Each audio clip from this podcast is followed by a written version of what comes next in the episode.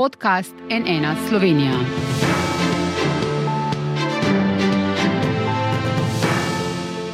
Dobro dan, to je NN studio. Kaj vse leto 2023 prinaša na področju delovne in socialne zakonodaje? Kako bomo torej delali, kaj bo z našimi plačami, pokojninami in socialnimi transferji? Se upokojitvena starost res ne bo zvišala? Bomo zaposleni dobili možnost oskrbovalnega dopusta in 30-urnega delovnika? Bo božičnica ponovem obvezna? In pa seveda, glede na to, kdo je današnji gost, v kakšni kondiciji je koalicija Roberta Goloba, kako zelo jo je zatresel odhod Tatjane Bobnar. V našem studiu je Luka Mesec, podpredsednik vlade, ministr za delo, družino, socialne zadeve in enake možnosti in tudi koordinator levice. Dobr dan, dobrodošli. Dobr dan. Gospod minister, kar precej odzivov, tudi burnih, prihaja v teh dneh ob napovedih vašega ministrstva, kakšne spremembe delovne in pokojninske zakonodaje pripravljate. Če se najprej lotiva sprememb zakona o delovnih razmerjih v letu 2023, načrtujete dva posega, kaj prinašata? Uh -huh. Ja, gledajte, um, naše ministrstvo si je zadalo ambiciozne cilje za naslednje leto. Um, v glavnem skupaj z Ministrstvom za solidarno prihodnost, ki zdaj nastaja, načrtujemo um, precej velike spremembe na petih področjih. Prvo, pokojninska, uh, drugo, um, nov plačni model, tretje socialni transferi, četrto dolgotrajna oskrba in peto stanovanja. Se pravi, to so področja, na katerih lahko um, pričakujete, da bomo praktično um, reformirali ali pa probali celo na novo vzpostaviti sisteme, ne, če govorimo o dolgotrajni oskrbi ali pa stanovanjih. Ampak, če začnem uh, pri uh, pokojninah, kar ste uh, vprašali. Zdaj, um, pokojninski sistem mi moramo. Um, do 1.1.2024 reformirati, um, ker je takšna zaveza dana Evropski komisiji. Uh, v tej reformi bomo pa upoštevali več vidikov. Zdaj, prvi vidik je, da se bomo vprašali, kaj je pravičen pokojninski sistem. Se pravi, um, kakšna naj bo minimalna pokojnina, kakšno naj bo um, razmerje med uplačili in prejemki, um, kakšna naj bo uh, delovna doba. Eh, in koliko smo kot družba pripravljeni za to prispevati. Tukaj bomo upravili precej široko javno razpravo, kjer bomo zasledovali najširši možen konsens v tej smeri, ko bomo pač eh, sistem postavljali na novo. Uh, gledali bomo pa, da bo ta pač čim bolj pravičen in da se bo lahko z njim poistovetila čim večja večina prebivalcev, kar konec koncev bistveno je, da mi zagotovimo sistem, v katerega bomo vsi verjeli in ki um, nam bo dal občutek varnosti uh, za naslednjih 30 let. Pravite povečanje solidarnosti, zmanjšanje neenakosti. Kako uh mhm. -huh. konkretno boste to dosegli? Ja, gledajte, zdaj um, uh, ena od idej je, da bi bila um, začetna pokojnina višja kot je danes. Uh, se pravi, mi smo imeli še pred par leti nadomestitveni odstotek, se pravi, ko si se upokojil, um, si dobil samo 57,5 odstotkov um, uh, pokojnine. Uh, oziroma, odmerni odstotek. Ja, odmerni odstotek je bil samo 57,5 odstotkov. Ne, to je bil uh, tak delež plače, si dobil.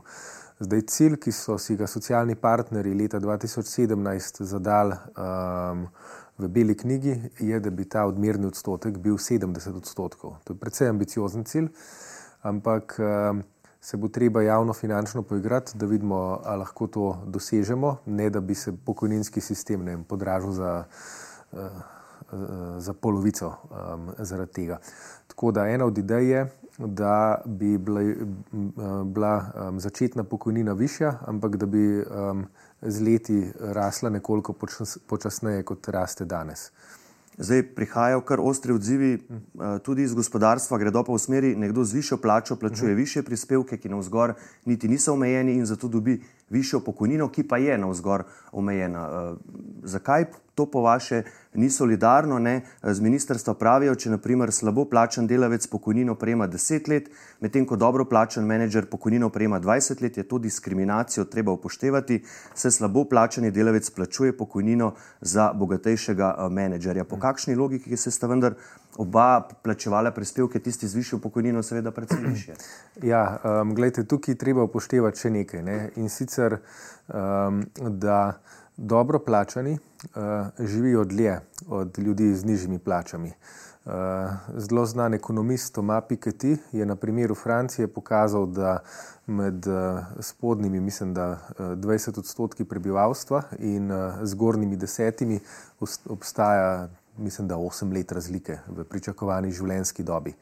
Ne, tako da je tudi z tega vidika um, je treba upoštevati, da ne bomo živeli vsi enako dolgo in da mora pač pokojninski sistem, um, ko se pogovarjamo o um, plačnih razlikah med nami, pač nasloviti tudi uh, to vrsto neenakosti v družbi. OECD pravi, treba bo še, še zvišati upokojitveno starost, torej na več kot 65 let oziroma več kot 40 let delovne dobe. Poleti ste za NN rekli, da ste proti temu, vaše mm. ministrstvo pa se zdaj glede tega ne opredeli zelo jasno, ali torej to bo v predlogu pokojninske reforme ali ne. Ja, kot sem rekel, pač naše politično izhodišče in tudi programska točka je, da ustrajamo pri 40 letih. Bomo pa tukaj iskali uh, širok družbeni konsens. Tako da, um, če se bomo pogovarjali o podaljševanju upokojitvene starosti, se to definitivno ne bo zgodilo leta 2024 ali 2025, ampak se pogovarjamo o um, daljših obdobjih, ker uh, namen te pokojninske reforme je, da jo sprogramiramo do leta 2050. Ne, se pravi, da postavimo okvir, kako bo um, pokojninski sistem do leta 2050 deloval, koliko bo družbo stal kakšne pokojnine, eh, na kakšne pokojnine lahko ljudje računajo, um, in da poskušamo okrog tega oblikovati širok družbeni konsens. Mhm. Pravite, da je treba mlade čim prej spraviti v delovna razmerja, da ne mhm. bodo prekarci do 35. leta. Ja. Kako konkretno boste uh, to dosegli? Nekateri so bom tako rekel, raje prekarci zaradi prispevkov, zaradi obdavčitev, tako naprej. Torej, kako boste to dosegli? Res je, zato tudi zelo podpiramo um, davčno reformo, ki jo je predlagalo Ministrstvo za finance, s katero bi um, mladim zaposlenim omogočili, da se uh, zaposlijo. Um, z močnimi davčnimi olajšavami na njihove prispevke in uh, dohodnino. Na ta način bi uh, podjetja in mlade pripričevali, da se je bolj smiselno zaposliti, kot recimo pač ostati vem, na študentski napotnici, um, odpreti SP ali pa delati pred, preko kakšne druge prekarne oblike zaposlitve. Mhm. Ja, ker eh, Slovenija ima pri uh, mlajši populaciji med 15 in 29 let niže stopnje delovne aktivnosti kot ostale uh -huh. uh, države. Recimo imamo podatke za leto 2020 v Sloveniji, uh, torej delovno aktivnih v tej starosti 46,6, v Nemčiji 60,4, v Avstriji 61,6. To so kar uh, velike razlike, velik razkorak. Imate tu morda kakšen konkreten načrt, nekaj ste že povedali. Ampak vendarle so te razlike tako velike, da, da bo treba verjetno s nekimi konkretnimi ukrepi, mm. da, da se ta trend obrne. Ja, jaz mislim, da pač, um, tukaj sta dva glavna vidika. Pač prvi vidik je, kaj se v Sloveniji splača. Ne, trenutno je tako. Um, če imaš na izbiro SP ali redna zaposlitev ob isti bruto plači, pa je tvoj delodajalec pripravljen v bistvu tukaj pač eh, preko obvoda kršiti eh, delovno pravno zakonodajo, se bistveno bolj splača SP, kot redna zaposlitev. Mhm. Tako da je treba to um, razmerje um, začeti obračati. Se pravi, redna zaposlitev mora biti prva izbira tako um, delodajalca kot zaposlenega. Kako to doseči? Uh, zdaj en je ta davčni vidik, ne, o katerem sem prej govoril. Davčna reforma, ki jo je Ministrstvo za finance pripravilo, um, je za mlade pocenila redno zaposlitev uh, in pa hkrati zaostruje, nekoliko zaostruje, ne zdaj pretirano, ampak nekoliko zaostruje. Um, zaslužke SP-jev. Uh, to se mi zdi korak v pravo smer, ker ne sme se SP v primeru, ko se ti ponuja redna zaposlitev, bolj splačati kot redna zaposlitev. Uh -huh. um, druga stvar tukaj pa je uh, ustvarjanje priložnosti za mlade. Ne? Tukaj bomo pač kot družba morali bistveno več uh, vlagati v raziskave, v razvoj. Um, konc koncev um, tudi pripričevati mlade, da ostanejo v Sloveniji, da si tukaj ustvarjajo življenje in bodi si iščejo, bodi ustvarjajo priložnosti, uh, kot da odhajajo v tujino. Kar pa jaz vidim tudi kot močno povezano stvar z uh, eno od naših glavnih reform naslednje leto, to je stanovanska politika. Ja, pa verjetno se bo tudi izobraževalnega sistema uh -huh. treba uh, dotakniti, po drugi strani to tudi Eh, opozarja stroka. Imamo pa tudi uh, problem pri starejših zaposlenih. Uh mhm. -huh. Hitro upokojevanje, dolgotrajna brezposelnost, torej prekmalo se omaknejo iz te delovno aktivne populacije. Kakšne načrti imate pri reševanju tega problema? Ja, to je velik problem, um, ker pri nas je um, upokojitvena starost uh, v zakonu napisana 65 let oziroma 40 let delovne dobe. Ne? Resnična upokojitvena starost je pa, mislim, da par mesecev pod 60 leti. Um, bistven problem pa je, da tisti ljudje, ki po 50 izgubijo službo ali pa po 55, so um, v precej primerih nezaposljivi. Um, tako da tukaj zdaj um, dokončnega odgovora nimam, kaj točno vse bi bilo treba spremeniti. Mm. Bomo pa ob snovanju pokojninske reforme poiskali rešitve, kako te ljudi. Um, kako um, najti zaposlitve za te ljudi, da ne bodo na pol prisilno predčasno odhajali v, v, v penzijo. Pa imate vi morda že kakšno oceno finančnih učinkov teh sprememb pokojninske zakonodaje in kako bi jih financirali?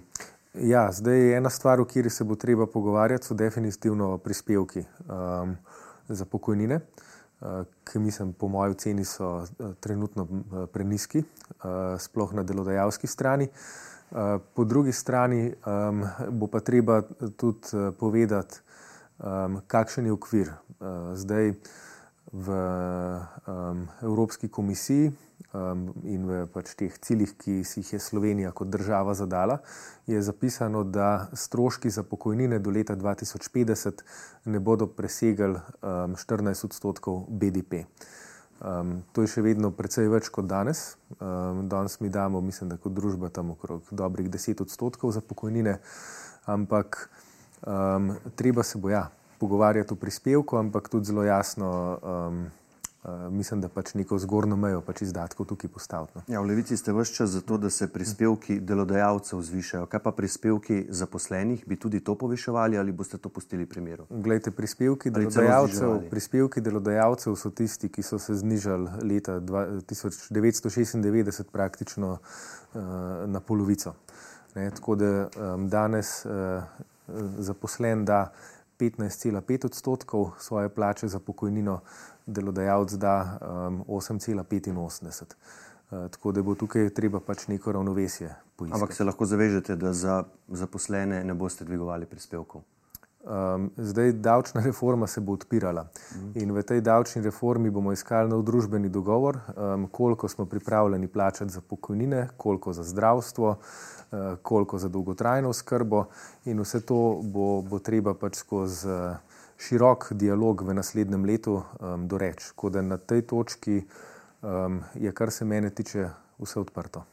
Če greva zdaj v bistvu k tem, s čimer sva začela, torej zakon, spremembe zakona o delovnih razmerjih, nekaj smo v vodu slišali, oskrbovalni dopust za ostarele starše bo, bomo menda imeli uh, na voljo 30-urni eh, polni delovnik, Eh, prihaja tu zraven obvezna božičnica, prekarci bi lahko zahtevali redno zaposlitev. Lahko te stvari malo, malo razložite, kako bo to videti, to ljudi zelo zanima. Ja, um, zdaj 30-urni delovnik, uh, to je tudi del koalicijske pogodbe, dajemo v ta zakon kot možnost. Se pravi, če se podjetje, če se vem, eh, delodajalci in zaposleni zmenijo, da se dela 30 ali 32 ur, kar so nekatera podjetja v Sloveniji že naredila, um, recimo tukaj le blizu ima salon um, pohištveno podjetje Donar, oni delajo 30 ur na teden.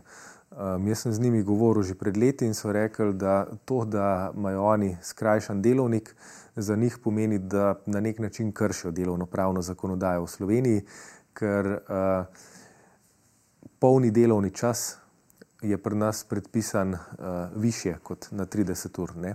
In če ti hočeš z delavca um, za polni delovni čas zaposliti samo za 30 ur, si v prekršku. Tako da mi zdaj omogočamo to, da se kot polni delovni čas lahko šteje delovni čas od 30 ur naprej na teden.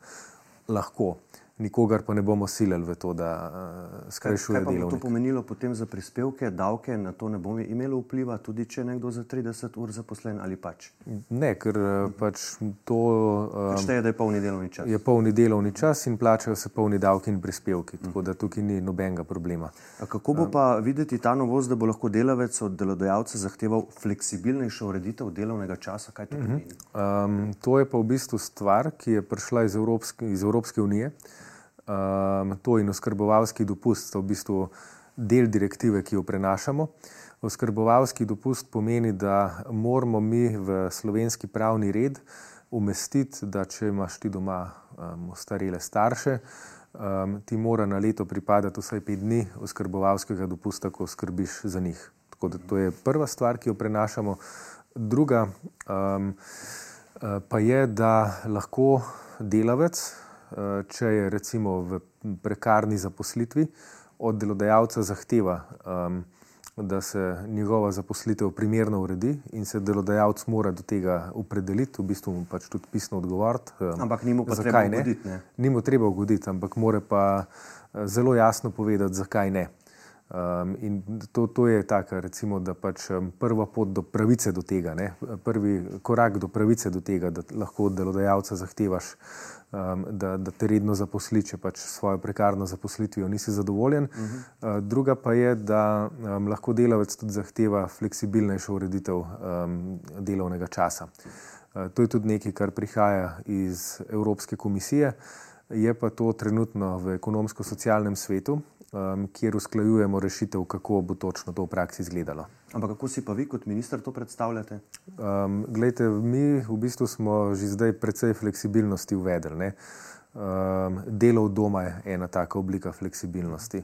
Uh, druge oblike fleksibilnosti so, um, da uh, ti ni treba biti na delu pač ob točno določeni uri, ampak da je v bistvu prihod na delo in odhod na delo, odhod z dela um, stvar dogovora med delodajalcem in eh, zaposlenim.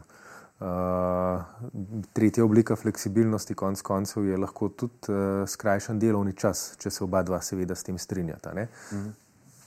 Zdaj, glede možnosti obvezne božičnice, finančni minister Klemen Boštjančič je za delo dejal, da bi to pomenilo dodatnih 200 milijonov samo v javnem sektorju, uh mhm. -huh. da je to zelo všečen ukrep, ki pa z vidika javnih financ uh, ni primeren po domače, po mnenju finančnega ministra, eh, država za to trenutno nima denarja. Kako ga boste prepričali v nasprotno?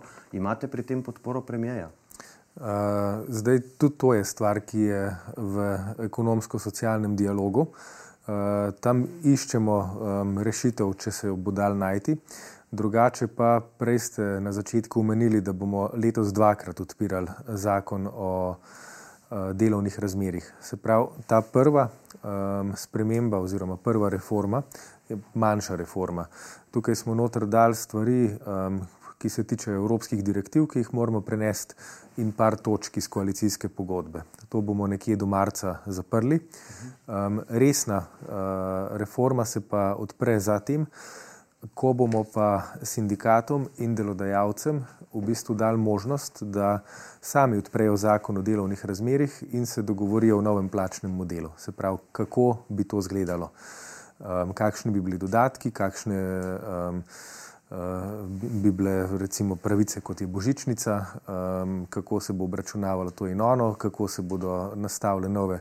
Eh, kolektivne pogodbe, ali bo minimalna plača postala osnovna in najnižja plača vseh kolektivnih pogodb, kar je naša ambicija. Uh -huh. To bo pa stvar, ki jo bomo delali uh, skozi leto 2023, pri čemer bodo imeli vodilno vlogo um, pogovori med sindikati in delodajalci. Vi pa, vi pa ne boste ustrajali potem, če bo pač tak dogovor tudi med socialnimi partnerji pri obvezni božičnici. Ne bo to nekaj pri čemer boste do konca ustrajali. Ne, pač? socialni dialog bomo spoštovali, ker ga hočemo zgraditi. Ja, ravno to, kar ste prej omenili, spremembe plačnega modela, najnižja osnovna plača je malo čez 500 evrov, uh mhm. -huh. ampak noben ne dobi take plače, ker potem delodajalec doplača do, ja. do minimalne plače, ampak tudi predstavniki delodajalcev pravijo, da so za spremembe pri tem. Eh, je torej to že usklajeno, bo torej minimalna plača postala najnižja osnovna plača? Um, o tem se povsem resno pogovarjamo, ja, da bi minimalna plača postala izhodišče vseh plačnih sistemov. Um, kar je konec koncev uh, ena od osnovnih stvari, ki bi jo jaz rad uh, naslednje leto postavil. Je pa treba od tam naprej potem se pogovoriti, kako bodo plačni sistemi v državi izgledali.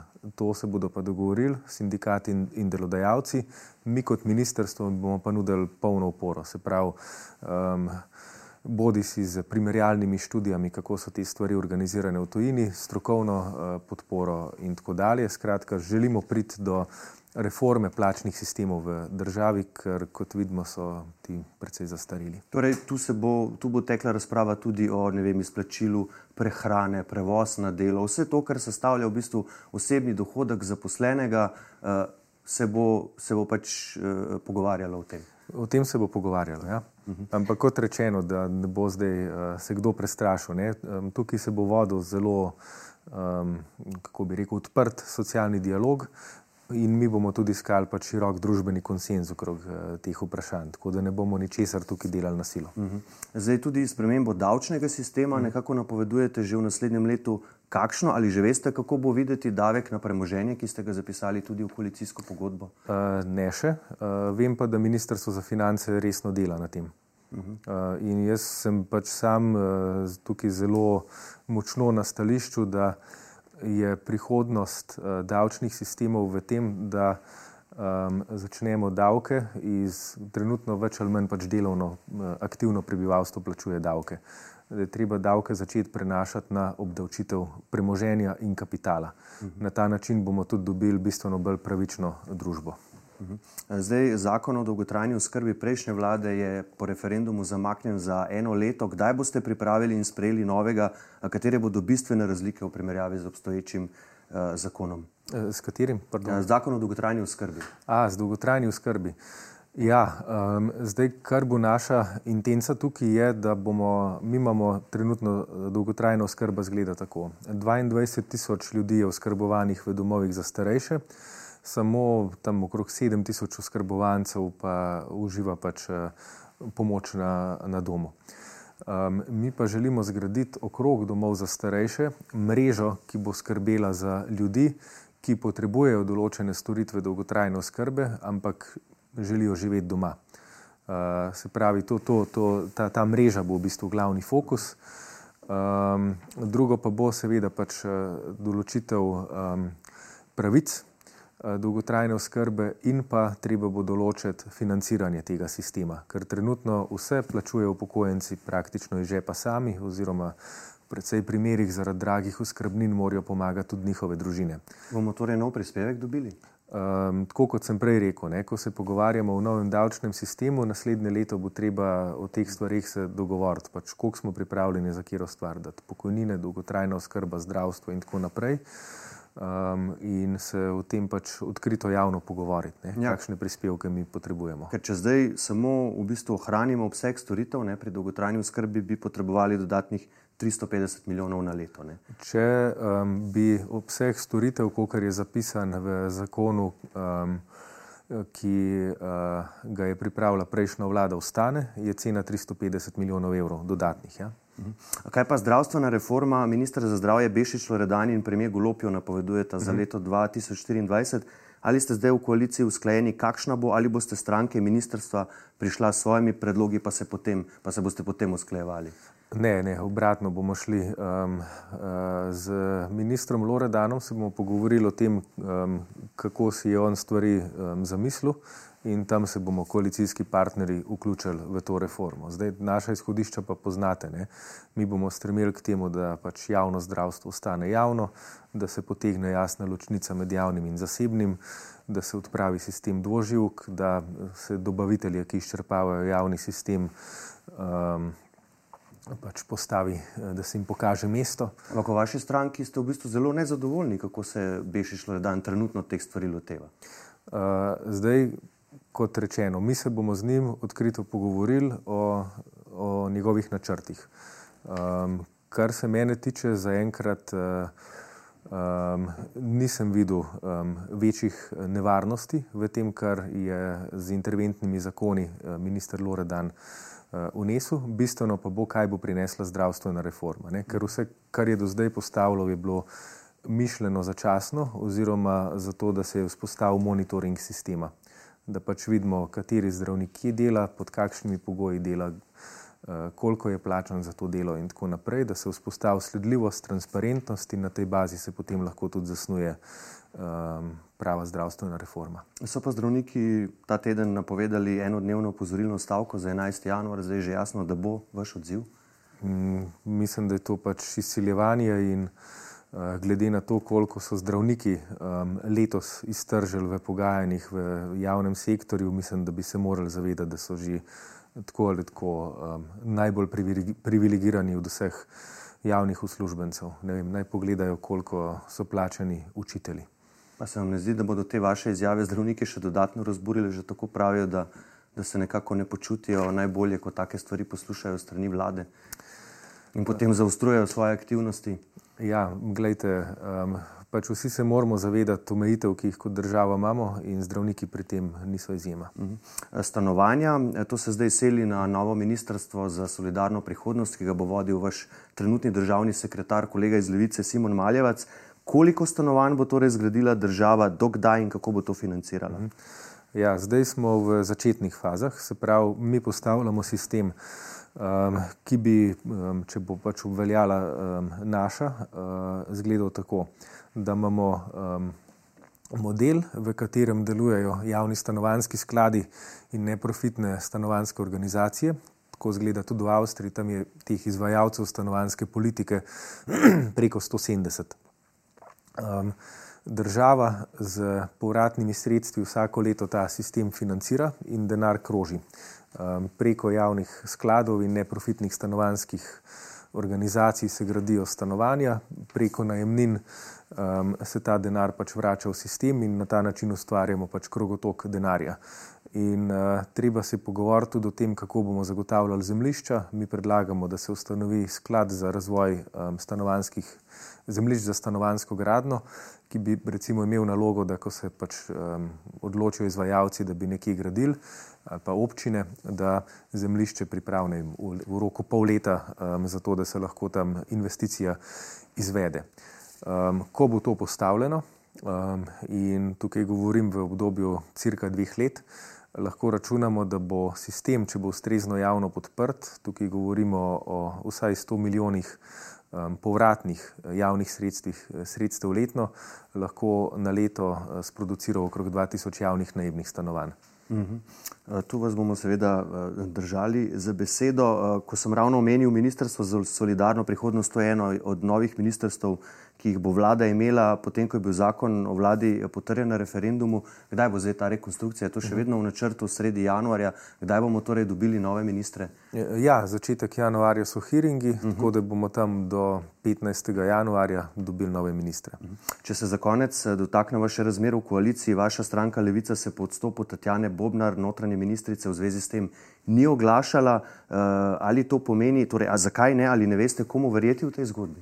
Ne, ne. Um, glejte, uh, koalicija je v dobri kondiciji, um, tudi zdaj pred novim letom uh, se bomo uh, z predsednikom vlade vsi ministri sestali uh, in jaz pričakujem predvsem, da se zmenimo, kako zbrati kondicijo za to reformno leto 2023, ki nas čaka, da bo od teh stvari, ne, ki jih tudi mi dva danes napovedujeva, naslednje leto čim več uh, tudi storjenega. Ampak zakaj pa se niste oglasili po odstopu Tatjane Bobnar?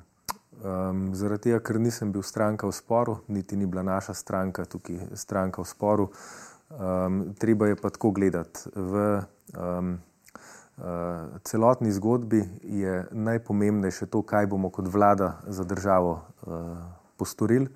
In uh, jaz sem prepričan, da uh, je v tej koaliciji uh, ogromno volje, um, motivacije in konec koncev idej za to, da državo pač resno postavimo pač, na pot, da bomo začeli gledati v leto 2030 kot v svetlo prihodnost. In zato moramo naslednje leto poskrbeti. Ja, ampak neuradno je iz vrst levice slišati, da od premija Goloba pričakujete dodatna pojasnila v zvezi s tem. Kaj konkretno vas zanima, ste ta pojasnila že zahtevali? Ne, ker gledajte, jaz sem se s premijem pogovoril um, in javno se v bistvu pač ne bom glede tega uh, več oglašal. Uh, svoje sem povedal takrat, ko je bilo treba, uh, drugače pa kot rečeno, pač, uh, jaz gledam naprej in zanima me predvsem, kaj bomo drugo leto kot koalicija naredili.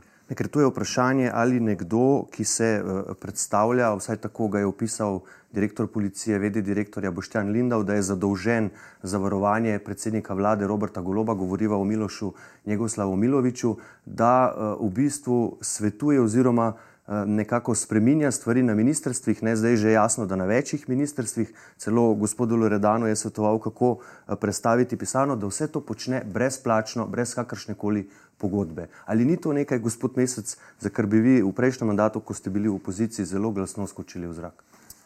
Glejte, to je zdaj, to morate vi vprašati predsednika vlade, kaj si misli o tem. Um, kar se mene tiče, jaz z gospodom Milovičem nisem imel nobenih stikov.